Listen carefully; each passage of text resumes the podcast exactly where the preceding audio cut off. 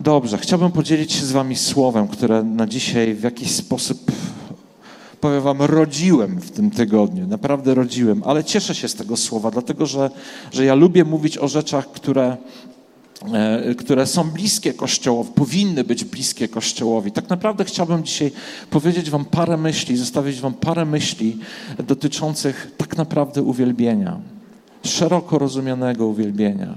Może mniej takiego uwielbienia, jakie mamy zwykle na naszych spotkaniach, kiedy, kiedy przychodzi, przychodzą ludzie, grupa uwielbienia i oni prowadzą nas i, i śpiewamy razem i, i mamy ten taki swój czas. Może mniej na ten temat, bo ja nie chcę się jakby w to angażować, natomiast bardziej na takim poziomie bardzo, bardzo osobistym. I, I pozwólcie, że zaczniemy od słowa, bo, bo myślę, że to ma sens zacząć od słowa. I przeczytajmy razem historię z Ewangelii Łukasza z siódmego rozdziału. To jest historia, gdzie, gdzie Jezus został namaszczony przez, przez pewną kobietę.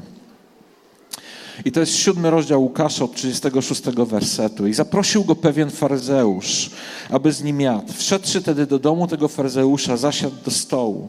A oto pewna kobieta z tego miasta, grzesznica, dowiedziawszy się, iż zasiada przy stole w domu faryzeusza, przyniosła alabastrowy słoik olejku.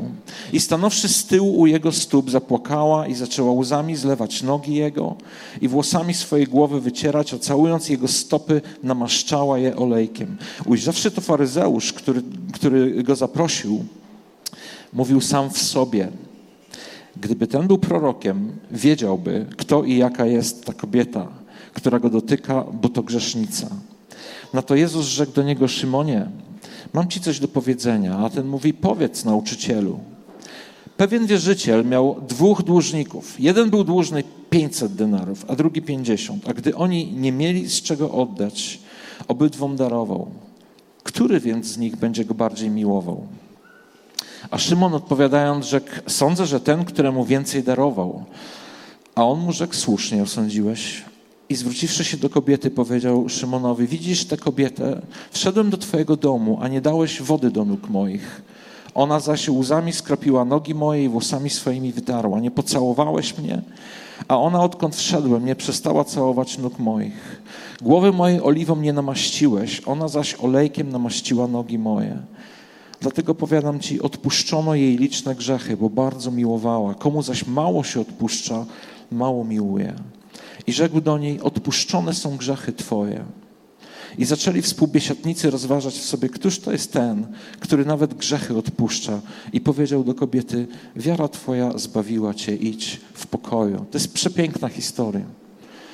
Ta historia dla mnie to jest taka jedna z takich cieplejszych, takich pokazujących Jezusa, który jest niezwykle wrażliwą osobą. Jezusa, który, wiecie, to jest w ogóle ciekawa historia, bo jest tutaj jakby, to, to wszystko dzieje się w domu faryzeusza. Wiecie, faryzeusze, faryzeusze, my, my wiemy, kim są faryzeusze. Faryzeusze, ja wam powiem, kim są faryzeusze. Faryzeusze to są tacy ludzie jak my, mniej więcej, tak, żeby nie kombinować za dużo. Ja często patrzę, na, na, na, czytam o faryzeuszach i, i znajduję w nich siebie. Może, może, może ja jestem naprawdę jakiś totalnie zepsuty, ale, ale myślę, że nie. Po prostu jest wiele, wiele w faryzeuszach takiej, takiej, takiej ludzkiej zwyczajności, czegoś takiego może próżnego czasami, może butnego, tego wszystkiego, co gdzieś możemy znaleźć, każdy z nas może w sobie znaleźć niekiedy w różnych sytuacjach. I ten człowiek, zobaczcie, ciekawe to jest, ten człowiek postanowił zaprosić Jezusa do swojego domu. Faryzeusz, uczony w piśmie, generalnie oni powiedzmy sobie, drażnili się z Jezusem. Oni, oni w jakiś sposób prowokowali Jezusa. Oni próbowali wykazać, że On jest y, zwiedziony, że jest kimś że nie ma racji, że, że Jego nauczanie nie ma sensu. A tu mamy faryzeusza, który zaprasza Go do swojego domu, bo byli tacy faryzeusze, którzy mieli jakąś inną wrażliwość. Może nie do końca potrafili się przyznać, ale mieli jakąś potrzebę pobyć z tym Jezusem w jakiś inny sposób. Nie tylko może kłócąc się, nie tylko tylko może e, dyskutując niepotrzebnie. I tutaj mamy taką sytuację, gdzie ten, ten człowiek zaprasza Jezusa do swojego domu. I myślę, że coś w nim było, wiecie? Myślę, że coś było w tym człowieku, dlatego że Jezus przyszedł. Myślę, że Jezus zobaczył potencjał w tym człowieku. Myślę, że Jezus zobaczył, może Bóg objawił mu, że, że serce tego człowieka jest nie do końca zamknięte, że, że są jakieś szczeliny, że, że jest jakieś pragnienie, jakaś prawda na, na dnie serca ukryta, którą, którą warto podsycić, którą warto rozdmuchać po to, żeby, żeby jakaś przemiana przyszła, po to, żeby jego serce zostało przemienione. I kiedy ten człowiek zaprosił sobie Jezusa, i nie tylko Jezusa, bo czytamy później, że tam byli jeszcze inni ludzie w jego domu, to gdzieś w jakiś sposób, to też jest ciekawe, dowiedziała się o tym kobieta. Jest o niej napisane, że jest grzeszna. Prawdopodobnie była to taka jawno grzesznica, tak? Czyli wszyscy wiedzieli, że ona żyje w sposób naganny, w sposób bezbożny być może była, była odrzucona, być może była potępiana, była grzesznicą. To, to, to na pewno coś znaczyło, ale, ale w niej powstało jakieś dziwne pragnienie. To w ogóle jest bardzo dziwne, że ona gdzieś przeniknęła do domu tego faryzeusza, że musiała być bardzo zdeterminowana, żeby tam się gdzieś, wiecie, wkręcić w ten, w ten tłumek i, i, i, i znalazła się blisko Jezusa. I czytamy o tym, że, że ona stanęła przy Jezusie i tak po prostu tak jak my to czytamy, kiedy znamy tę historię, to wydaje nam się to takie mm, no, słodkie, takie może takie, mm, takie no, romantyczne prawie, że tak stanęła przy Jezusie, ale, ale wyobraźcie sobie tą sytuację. Jest Jezus, który tam sobie na tym, na tym, nie wiem, fotelu, szezlongu, czy jak się to nazywało, spoczywa. Oni nie siedzieli tak, jak my siadamy, tak? Oni sobie przy tych stołach troszkę tak jakby leżakowali. I ona, I ona gdzieś od tyłu podchodzi do Jezusa. Zdeterminowana. W jej sercu coś się działo. Słuchajcie, jest napisane, że ona już idąc tam miała przygotowany y, alabastrowe naczynie z jakimś olejem, pewnie cennym. Ona, ona, ona przyszła tam z czymś, ona miała coś w swoim sercu, ona miała coś w swojej głowie, stanęła za nim i czytamy, że zaczęła, zaczęła łzami umywać jego nogi. No, to, to zatrzymajmy się na chwilę, pomyślcie o tym.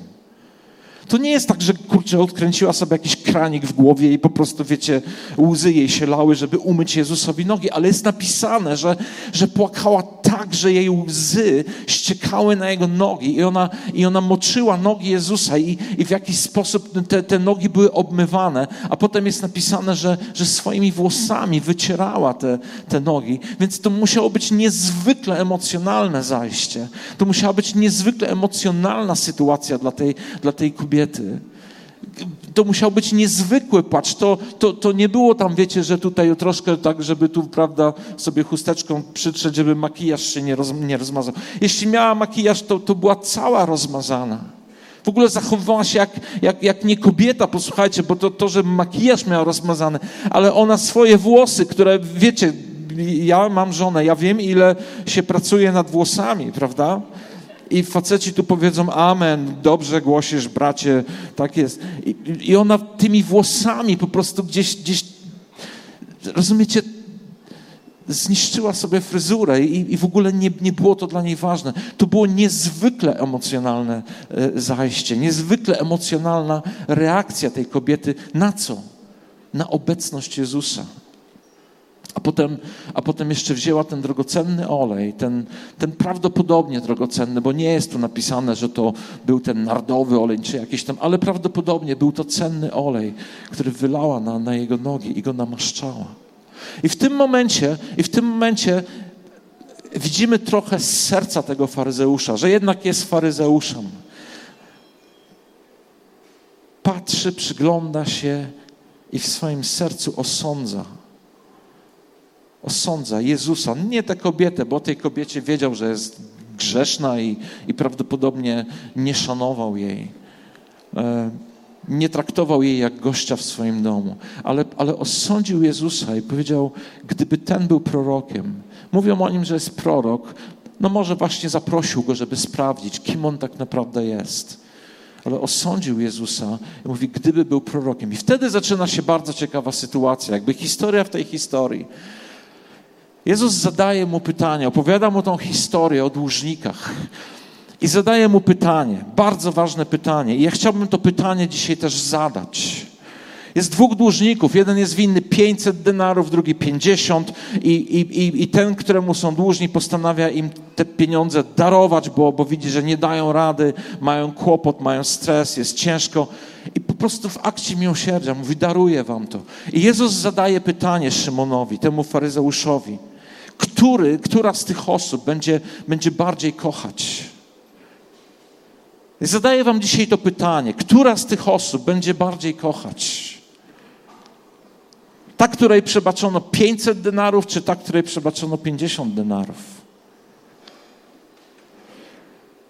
Szymon odpowiedział, że ta, której więcej przebaczono. Jezus mówi, dobrze, ale wiecie, ja wierzę, że, że ja wierzę, że gdyby to pytanie Jezus zadał tej kobiecie, odpowiedź byłaby inna. Ja mam kłopot z tym pytaniem i z tą odpowiedzią. Ja wierzę, że Jezus powiedział Szymonowi: Dobrze odpowiedziałeś, ale to jest odpowiedź na poziomie faryzeusza, na poziomie człowieka, którego serce jest nieprzemienione, na poziomie człowieka, którego serce nie jest otwarte, na poziomie człowieka, który jest wyrachowany w tym wszystkim, co robi. Wierzę, że gdyby Jezus zadał to pytanie tej kobiecie, to odpowiedź byłaby inna. I zobaczcie, w Ewangelii Łukasza, w, w 18 rozdziale też jest taka historia, którą, na którą chciałbym Wam zwrócić uwagę właśnie po to, żebyśmy może zrozumieli, o co chodzi w tym, co teraz mówię. Jezus mówi w 18 rozdziale, w 9 wersecie, tam jest historia, mówi, jest, jest, jest tak napisane, i powiedział także do tych, którzy pokładali ufność w sobie samych, że są usprawiedliwieni, a innych lekceważyli, opowiedział im to podobieństwo. Dwóch ludzi weszło do świątyni, aby się modlić. Jeden faryzeusz, a drugi celnik. I faryzeusz stanął i tak się w duchu modlił. Boże, dziękuję Ci, że nie jestem tak jak inni ludzie, jak rabusie, jak oszuści, jak cudzołożnicy, albo też jak ten oto celnik. Ja poszczę dwa razy w tygodniu, daję dziesięcinę z całego mojego mienia. Taki facet. Taki, taki rodzaj postawy. Jezus, Jezus mówi to do ludzi, o których tutaj jest napisane, którzy sami siebie usprawiedliwiali, sami z siebie byli zadowoleni, sami siebie oceniali, ale zobaczcie, oni oceniali siebie porównując się do innych. Dobrze, że nie jestem taki jak ci, jak, jak tamten, jak tamta. Dobrze, że nie jestem jak ta cudzołożnica, która, grzesznica, która teraz może przyszła i, i, i stoi za tobą i tam, i tam cię zaczepia. Dobrze, że nie jestem taki. Dobrze, że ja, ja wiem, że ja dobrze postępuję. To jest ta postawa faryzejska. A obok stoi celnik, który notabene też jest niezbyt wysoko notowaną moralnie osobą w tym społeczeństwie. I ten celnik stoi i, i nie śmie nawet oczu podnieść ku niebu, lecz bije się w pierś swoją i mówi: Boże, bądź miłościw mnie grzesznemu.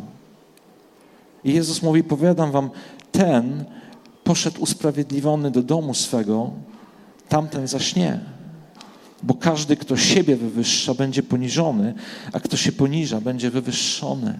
Wiecie, i to jest taki obraz tego, co jest w sercu faryzeusza, co jest, co jest w mentalu faryzeusza. I kiedy Jezus zadaje mu pytanie, kto będzie bardziej kochał, faryzeusz przelicza, myśli, ten ma 500, no to, no to tak, no to 500, a ten ma 50. Czyli gdyby faryzeusz był tym człowiekiem, który, któremu by darowano 50, to może byłby sfrustrowany. Mi darowałeś tylko 50, tamtemu darowałeś 500, to jest niesprawiedliwe. Wierzę, że gdyby Jezus zadał to pytanie tej kobiecie, ta kobieta by powiedziała, i jeden i drugi powinien Cię kochać, czy powinien kochać tego, który mu darował, bo, bo zostało im darowane wszystko. Bo zostało im darowane wszystko. tak naprawdę ta sytuacja, ta, ta historia, którą Jezus opowiada faryzeuszowi, zagadka, którą mu zadaje, po to, żeby go naprowadzić, żeby mu może coś pokazać. Ale faryzeusz jest twardy, faryzeusz jest faryzeuszem. A Jezus mówi, ale spójrz na tą kobietę. Ty nie dałeś mi nic. Ona mi dała całą siebie. Ona złożyła przede mną swoją godność, swój, nie wiem, swój wygląd i jeszcze, jeszcze złożyła ofiarę, bo wylała olej, który przyniosła na, na moje nogi. I powiedziałem wam, że chcę dzisiaj wam powiedzieć parę rzeczy na temat uwielbienia. Wiecie, dla mnie ta historia jest o uwielbieniu. Kiedyś w ogóle, wiele lat temu już, pamiętam, e, w Betel mieliśmy takie, takie nasze spotkanie i pamiętam, jak w czasie tego spotkania w moim duchu powstało bardzo wyraźnie takie przekonanie i wiedziałem, że, że Bóg mi mówi, że Bóg gdzieś prowadzi mnie do tego, żeby, żeby uwierzyć, że, że, że będziemy kiedyś mieli w Betel takie uwielbienie, które jest gdzieś w tej historii zapisane. Ta historia właśnie. I wiedziałem, że, że to jest coś pięknego, coś niezwykłego. Pomyślałem sobie, wow, super, jakby dotknęło. I jest to we mnie od wielu, wielu, wielu, wielu lat. A musicie wiedzieć, że kiedy, kiedy, kiedy, kiedy powstawaliśmy jako Kościół też dawno temu, e, jedną rzecz zrobiliśmy na początku, która była bardzo dziwna, jeśli chodzi o Kościół i związana z uwielbieniem. My, my wyszliśmy, czy wychodziliśmy wszyscy ze środowiska takiego bardzo nastawionego na uwielbienie, takiego bardzo przeżywającego uwielbienie, kochającego roz, uwielbienie, rozumiejącego uwielbienie. Myśmy, myśmy przeszli przez jakiś proces, przez ileś lat takiego wzrostu i rozwoju w uwielbieniu wcześniej, w poprzednim kościele, w którym byliśmy. I kiedy zaczynaliśmy Betel, powiem wam, byliśmy w takim miejscu, kiedy już widząc, jak, jak to uwielbienie się rozwija i jak my w tym też płyniemy, pewnego dnia stwierdziliśmy, że jesteśmy zmęczeni tym uwielbieniem. I, I, chcę, żebyście to dobrze zrozumieli. Zmęczeni tym, że nauczyliśmy się fajnie śpiewać, że nauczyliśmy się robić różne naprawdę rzeczy, których kiedyś nie, nie wiedzieliśmy nawet, że można robić w uwielbieniu. I że gdzieś przesunęliśmy się, że gdzieś rozwinęliśmy się w tym uwielbieniu. Ale doszliśmy do takiego miejsca, i to było na początku naszej drogi w Betel, że, że, że, że stwierdziliśmy wszyscy razem, że że musimy się zatrzymać, że musimy wyłączyć prąd w naszym uwielbieniu po to, żeby sprawdzić, ile naprawdę uwielbienia jest w nas. Co jest w nas? Bo fajnie się uwielbia, kiedy ktoś gra, ktoś śpiewa, ktoś, ktoś jest przygotowany, ktoś jest przekonany do tego, co robi a my przychodzimy i stajemy. Wiecie, to jest trochę taki obraz właśnie Jezusa, którego sobie zapraszamy. Faryzeusz zaprosił sobie Jezusa. Zaprosił go sobie do swojego domu. Miał jakiś cel, miał jakąś potrzebę. Zaprosił go sobie. Ale obok była kobieta, której nikt nie zaprasza, ale która miała wielką potrzebę być blisko Jezusa. Być blisko Jezusa która, dla której nie było ważne, czy, czy na nią spluną, czy nią wzgardzą. Ona wiedziała, że ona chce przyjść i być blisko Jezusa. I to jest dla mnie taki obraz uwielbienia. Kiedy myśmy zaczynali naszą, naszą historię Betel, to okazało się, że ludzie, którzy często prowadzili uwielbienie, którzy, którzy stawali gdzieś tam z przodu w kościele i prowadzili, nie wiem, 200 osób w uwielbieniu, że naraz, kiedy wyłączyliśmy sobie prąd, kiedy pozbawiliśmy się wsparcia muzycznego, że naraz okazało się, że uwielbienie wcale nie jest takie oczywiste w naszym życiu. Że naraz okazało się, że tego uwielbienia wystarcza nam na pięć, może siedem minut, a potem zaczyna się robić kłopotliwie cicho i ten entuzjazm wygląda jakby zupełnie inaczej niż kiedy gra muzyka. Wiecie, ja absolutnie, żebyście to dobrze rozumieli, ja nie jestem przeciwnikiem muzyki. Uważam, że muzyka jest, jest absolutnie ważna w, w uwielbieniu. Jest, jest Bożym darem, jest, jest, jest, jest Bożym narzędziem do tego, żeby, żeby przynosić chwałę Bogu. Ale muzyka nie może być zamiast. Nie możesz wchodzić do miejsca, gdzie, gdzie jest Jezus, przysiadać się do stołu i sobie, i sobie tylko być i ewentualnie komentować rzeczywistości. Widzicie, ta kobieta przyszła, żeby uwielbić Jezusa, niezaproszona. Przyszła uwielbić Jezusa, przyszła złożyć dar.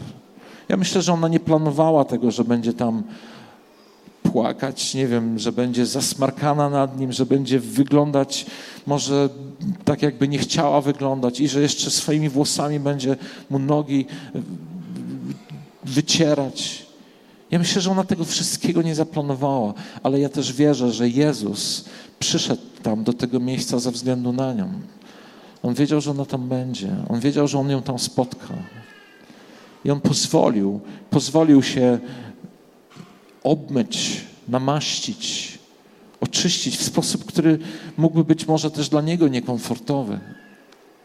Dlatego, że widział serce tej kobiety. Ona przyszła z sercem gotowym, z sercem spragnionym, ale nie spragnionym, żeby brać od Jezusa, ale żeby mu dawać, żeby go błogosławić, żeby go namaścić, żeby gdzieś uniżyć się przed nim. Wiecie, dla mnie to jest taki obraz, to jest taki obraz, który prowokuje mnie do pytania, co ja przynoszę, kiedy przychodzę na uwielbienie.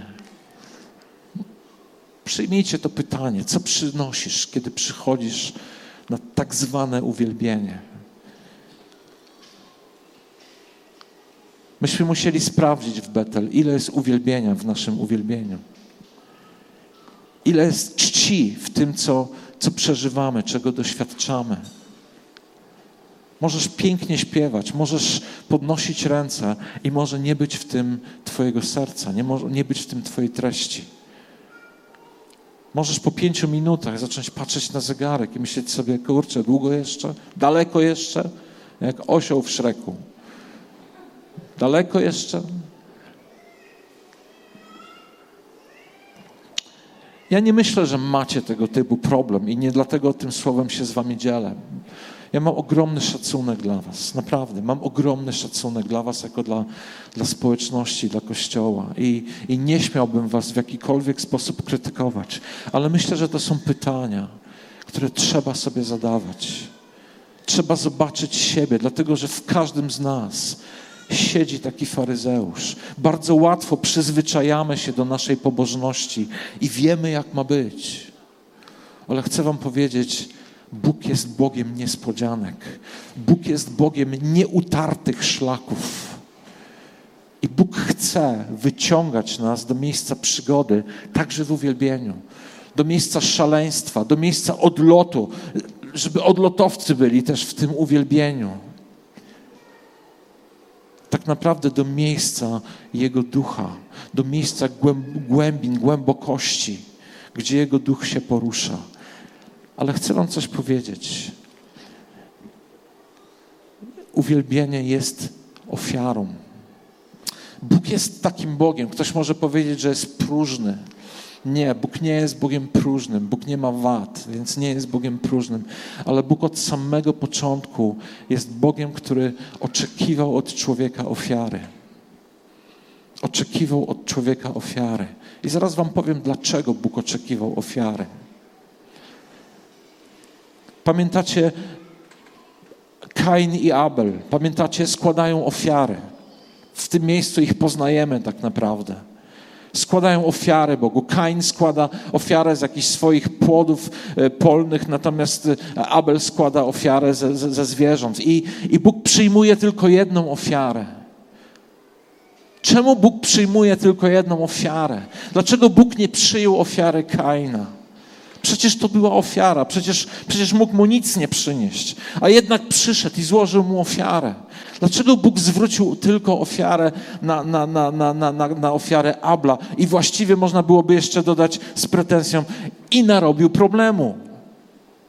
Bo gdyby przyjął obydwie, to, to Kain nie byłby zazdrosny, może by się nic nie wydarzyło. Taka jest nasza ludzka logika. Dlaczego Bóg przyjął jedną ofiarę? Dlatego, że, że, że, że Bóg szuka serca człowieka. Wiecie, potem cała historia człowieka to jest historia też ofiar, składania ofiar, a potem Bóg złożył ofiarę. Doskonale wiecie, z swojego syna. O co chodzi z tymi ofiarami? Tak naprawdę chodzi o to, że Bóg ciągle i ciągle i ciągle szukał serca człowieka. I przez składanie ofiar człowiek miał szansę, miał możliwość, miał taki jakby kanał do tego, żeby gdzieś do tego Boga powracać, może, może na now, do nowej refleksji, jak żyję, kim jestem, po co ja to robię, dlaczego ja składam ofiarę. Gdyby Kain jakby odrobinę jakiejś refleksji dołożył do tej ofiary, to być może jego ofiara zostałaby przyjęta. Ale wiecie, co zrobił Kain? Kain zrobił, złożył jakąś ofiarę. Jakąś ofiarę złożył. Nie chcę powiedzieć byle ofiarę, bo nie wiem, czy to była byle ofiara, ale on złożył jakąś ofiarę. A Abel złożył Bogu pierwociny. Przyniósł to, co najcenniejsze. Tym uczcił swojego Boga i Bóg przyjął tą ofiarę. Dlatego, że Bóg szuka serca człowieka. Dlatego, że człowiek, który przynosi Bogu pierwociny, to jest człowiek, który przemyślał swoją ofiarę. To jest człowiek, który wie, dlaczego to robi. I przełóżcie to teraz na swoje uwielbienie, które przychodzimy i stajemy przed Bogiem często. Przychodzicie w niedzielę rano do kościoła, stajecie przed Bogiem. Chcę Ci zadać dzisiaj pytanie. Dzisiaj, bo dzisiaj łatwo odpowiedzieć. Czy przyszedłeś przygotowany, by złożyć Bogu ofiarę? Czy przyszedłeś przygotowany? Czy miałeś dzisiaj czas na, na refleksję w swoim życiu, że, że idziesz do, do, do, do zgromadzenia, do miejsca, gdzie, gdzie będziemy Boga czcić, gdzie będziemy Boga uwielbiać? Co Mu zaniosę? Nie mówię o kolekcie, chociaż o kolekcie też mówię. Czym przyszedłeś dzisiaj? Z czym przychodzisz co niedzielę? Jaki masz obyczaj? Jaki masz nawyki w swoim życiu? Przychodzisz sobie do Jezusa, żeby sobie skorzystać, żeby sobie coś wziąć? Fajnie. Wiecie, jak patrzę na tą historię, myślę sobie, Jezus jest, to jest, to jest po prostu, Jego, to jest ktoś niezwykły. To jest ktoś, kto nie odrzucił faryzeusza, nie, nie wzgardził nim. To jest ktoś, kto dał szansę, kto zainwestował w faryzeusza. Nie wiemy, jaka jest dalsza historia tego człowieka, ale ja wierzę, że on miał szansę z tego, co usłyszał, wydobyć skarby dla swojego życia i dać się złamać, dać się przemienić, dać się, nie, uniżyć swoje, swoje życie przed Bogiem. Jeśli tylko chciałby słuchać, jeśli tylko chciałby zastanowić wyciągnąć refleksję z tego, co mówi Jezus. Jezus go nie, nie potępił, Jezus nie, nie odrzucił go, Jezus z nim nie prowadził trudnej dyskusji. Jezus dawał mu szansę, ale wskazywał mu na kobietę, której serce było złamane. Tak naprawdę mówił mu, bądź jak ona. Tak jak, tak jak Bóg mówił do, do, do, do, do Kaina, uważaj, uważaj. Zwróć uwagę na to, co mówię. Bądź wrażliwy. Pójdź za tym, co mówię, bo to cię zachowa, bo to cię zbawi. Wierzę, że, że Jezus miał ogromny szacunek dla tego człowieka. I też myślę dla tych, którzy tam byli, którzy się przysłuchiwali, którzy na koniec zadali pytanie swoje faryzejskie, pytanie, kim jest ten, który, że, że, że grzechy y, odpuszcza. To, to był ich dylemat. No znajdźcie odpowiedź w końcu na to. Jak znajdziecie odpowiedź na to pytanie, to będziecie w miejscu zbawienia. Z czym przychodzimy? Z czym przychodzimy do Jezusa? Masz oczekiwanie, żeby, żeby sprzęt był nastrojony, żeby, żeby piosenki były takie, jak lubisz. Chcę Wam dzisiaj powiedzieć bardzo mocno, to czuję w swoim sercu, żeby Wam dzisiaj powiedzieć, Twoje uwielbienie ma być ofiarą. Jeśli nie złożysz ofiary, uprawiasz jakąś pobożność, może nawet ładną, może nawet elegancką, może, może to nie ma większego znaczenia. Zapraszam Cię dzisiaj do tego, żebyś wszedł do miejsca uwielbienia, do miejsca składania ofiary. Ale kiedy zaczynałem, powiedziałem Wam, że tak naprawdę nie czepiam się, nie będę dzisiaj mówił o, o niedzieli, kiedy przychodzicie. To jest tylko świetny przykład, bo mamy niedzielę i jesteśmy tutaj razem e, w uwielbieniu. Ale chcę Ci powiedzieć, zbadaj swój poniedziałek, zbadaj swój wtorek, swoją środę, czwartek, piątek, sobotę. Sprawdź, ile w Twoim życiu jest uwielbienia. Sprawdź, jaką ofiarę składasz temu, którego kochasz, temu, który jest Twoim zbawicielem. Wiecie, musimy to robić. Musimy dać się sprawdzać, musimy stawać przed lustrem, musimy, musimy słuchać tego, co Duch Święty do nas mówi, dlatego że wszyscy mamy tendencję do tego, żeby stać się takimi ludźmi, powiedzmy, grubo religijnymi, którzy mają taką czy inną religijność, ale to będzie tylko w końcu religijność, w której coraz mniej będzie życia, a coraz więcej przyzwyczajenia. Ja wierzę, że składanie ofiary jest oczyszczające. Ja wierzę, że składanie ofiary to jest płacenie ceny, to jest koszt. Ale to jest coś, co sprawia, że nasze serca są przemieniane, że nasze serca są budzone niejednokrotnie do tego, żeby przestać traktować Boga z dużym dystansem. Bóg nie jest osobą, która chce żyć z nami w dystansie. Bóg nigdy nie był zadowolony tłumami, które, które gdzieś do Niego waliły, ale których serca były daleko. Często i wyraźnie o tym mówił przez proroków, przez swoich innych sług. Dzisiaj jest tak samo. Bóg szuka Kościoła, który, który tak, jak, tak, jak, tak jak Pan Jezus mówił, Ojciec szuka chwalców, czcicieli, którzy, którzy Mu oddają cześć w duchu, w prawdzie, którzy nie ściemniają sami sobie którzy nie, nie opowiadają bajek sami sobie.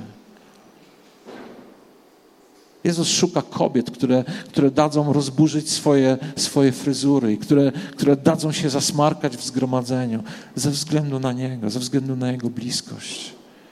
Jezus szuka facetów, którzy nie rżną twardzieli, ale którzy dają się łamać ze względu na Jego bliskość, ze względu na to, kim On jest. Ile jest uwielbienia w Twoim życiu? Ile jest daru, który przynosisz Bogu? Ile jest ofiary, którą Mu składasz? W do Hebrajczyków jest napisane, żebyśmy składali Bogu ofiarę naszych ust. Ofiarę, ofiarę z naszych ust, nasze, nasze, nasze ofiarowanie. Co Bóg słyszy z Twoich ust? Wiecie, kiedy, kiedy w, naszym kościele zatrzymaliśmy właśnie muzy muzykę i jakby zaczęliśmy uczyć się modlić tak naprawdę, bo chyba, chyba do tego to trzeba sprowadzić, to wtedy też zaczęliśmy rozumieć, jak fundamentalne w naszym życiu powinno być dziękczynienie, żeby było prawdziwym uwielbieniem jeśli nie ma dziękczynienia w Twoim życiu, jeśli, jeśli nie, nie ma refleksji nad najmniejszą rzeczą w Twoim życiu, jeśli nie ma dziękczynienia, to nie myśl, że zaśpiewanie siedmiu albo dziesięciu fajnych piosenek e, e, przyniesie rzeczywiście uwielbienie Bogu. To może poruszy Twoją duszę, może poczujesz się fajnie, lepiej, o, lubię, jak śpiewają ci, a, a tych to średnio lubię, a tamtych lubię najbardziej. To jest dla nas. To mówimy o tym, co dla nas. I absolutnie w uwielbieniu, w relacji z Bogiem jest wiele rzeczy dla nas, bo to jest niezwykłe, jak Bóg przychodzi, żeby nas podnosić, żeby nas inspirować. On nie jest chytry, On jest Bogiem relacji, On jest Bogiem bliskości. On szuka serc, On tak naprawdę nie szuka ofiary. Ofiara potrzebna jest nam, żeby była złożona, żebyśmy poczuli jej cenę, żebyśmy poczuli jej wartość, żebyśmy zrozumieli, jak ważny jest dla nas Bóg w naszym życiu to my mamy składać ofiarę i do tego będziemy zawsze zachęceni. Dlatego jest uwielbienie w Kościele. Żeby Bóg miał, odebrał ofiarę, żeby miła wonność gdzieś docierała do Jego tronu. Twoje słowa, powiesz, to co? Nie wiem, zastanów się. Ja wiem, że w niedzielę, kiedy, kiedy dzisiaj idę do kościoła, zawsze lubię, lubię siedzieć i myśleć o tym, co, co przed nami. Nie tylko dlatego, że coś prowadzę albo że czymś będę się dzielił, ale też w kontekście tego, że stanę przed Bogiem. Z czym ja dzisiaj stanę? Pokłócony, może, nie wiem, wiecie, obrażony, może, może, może, ale z czym stanę przed Bogiem? Taki, jaki jestem. Ona była cudzołożnicą ale przyszła z sercem, które, które, które po prostu było bezdyskusyjne. I co usłyszała? I co usłyszała? Idź, żyj w pokoju. Idź, żyj w pokoju. Twoja wiara, Twoje serce, Twoja postawa, to kim jesteś. To mnie zachwyciło, to mnie poruszyło. Idź. Niech będą przebaczone Twoje grzechy. Idź i żyj w pokoju. Jezus przyjął ofiarę, ale Jezus wylał błogosławieństwo na jej życie. To jest istota uwielbienia. To jest sens uwielbienia. To jest dialog z Bogiem. To jest przepływ między niebem a ziemią.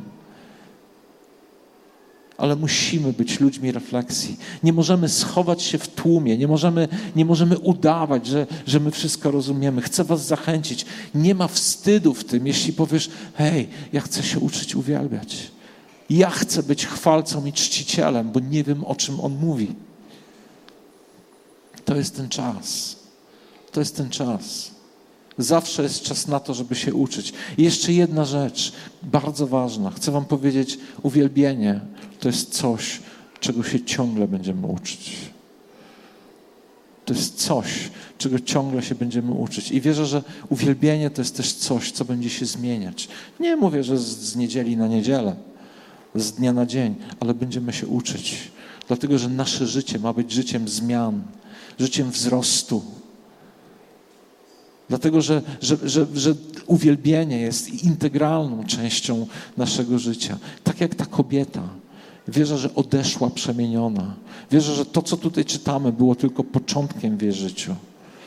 A potem następował wzrost, a potem poznawała Boga i może jeszcze bardziej go, może miała jeszcze inne rodzaje ekspresji, żeby go uwielbić. Co stało się z faryzeuszem? Posłuchał. Posłuchał prawdy, posłuchał słowa, został skonfrontowany w miłości. Co z tego wyciągnął? Nie wiemy. Z czym przychodzimy? Z czym przychodzimy?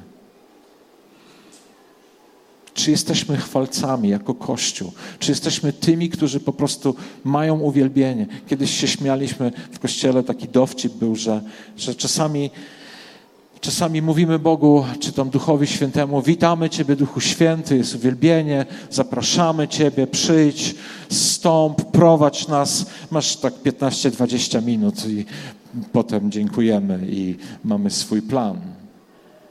Śmialiśmy się z tego, ale prawda o nas jest często taka, że, że, że niekoniecznie nawet wiemy, co to znaczy do końca otworzyć się i poddać się.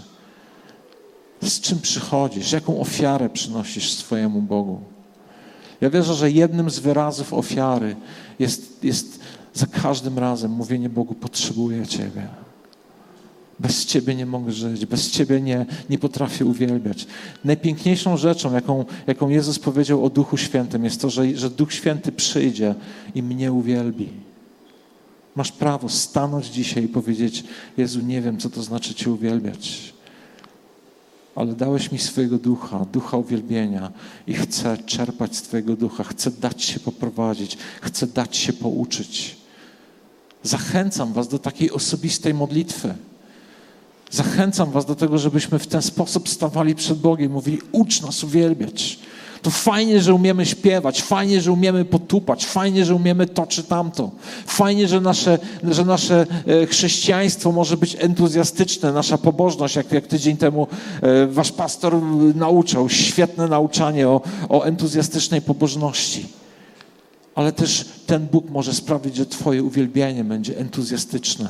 Nie dlatego, że ktoś Ci nabije rytm, ale dlatego, że z Twojego serca będzie, będzie płynęła chwała, będzie płynęła taka, taka cześć, taka, taka prawdziwa ofiara, tak jak, tak jak łzy płynęły z oczu tej kobiety. I będziesz wiedział, że to jest Twoja prawda przed Twoim Bogiem. Wielu z Was wie, Wielu z Was wie, ja nie mówię do ludzi, którzy nie wiedzą o, o czym ja mówię. Wy wiecie. Ja też wiem. Ale ciągle potrzebujemy, żeby Bóg nas tym oczyszczał. Ciągle potrzebujemy, żeby ta ofiara w naszym życiu była składana każdego dnia. Dlatego, że to przynosi prawdziwą cześć naszemu Bogu. I do tego chcę Was zachęcić dzisiaj, żebyśmy, żebyśmy jako Kościół stanęli przed Bogiem i powiedzieli: Dziękujemy Ci za to, że, że mamy w ogóle świadomość, że można Cię uwielbiać, że przyszedłeś i Ty nas wywyższyłeś, ale chcemy przychodzić jako czciciele, jako ci, którzy traktują Cię serio. Wiecie, dzisiaj jechaliśmy do, tu na spotkanie i moja żona mówi, musimy pojechać do bankomatu, żeby wypłacić pieniądze na ofiarę. I, i, I, myślę sobie, to jest coś, czego się uczymy w naszym życiu. Pamiętać o tym, żeby nasza ofiara nie była przypadkową kwotą rzuconą gdzieś tam na tacę, bo akurat tyle w kieszeni miałem, ale choćby to, że, że pomyślałem o tym, że chcę dać, że chcemy dać i że musimy się przygotować. Zawsze, jak popatrzycie na, na, na, na Biblię, zawsze ofiara musiała być czymś przygotowanym nie mogła być byle jaka, dlatego że Bóg jej nie przyjął. Zawsze ofiara musiała przejść przez serce człowieka, przez jego umysł, przez jego decyzje. Musiała jakby naruszyć jego życie, bo o to w tym chodzi, bo wtedy Bóg nas łapie, Bóg nas, e, naszą uwagę, naszą, naszą, naszą, koncentrujemy się na Nim. Wtedy, wtedy mamy świadomość tego, że, że Bóg jest ciągle i ciągle i ciągle i ciągle obecny i ciągle na właściwym miejscu w naszym życiu. Dlatego potrzebujemy być tymi, którzy składają Mu ofiarę. Po to, żeby żyć w pokoju, po to, żeby nasza wiara nas gdzieś prowadziła. Bóg jest Bogiem relacji i wierzę, że do tego nas dzisiaj bardzo mocno zachęca, żebyśmy dali się odświeżyć i chciałbym, żebyśmy się pomodlili chwilę, żebyśmy stanęli przed Bogiem.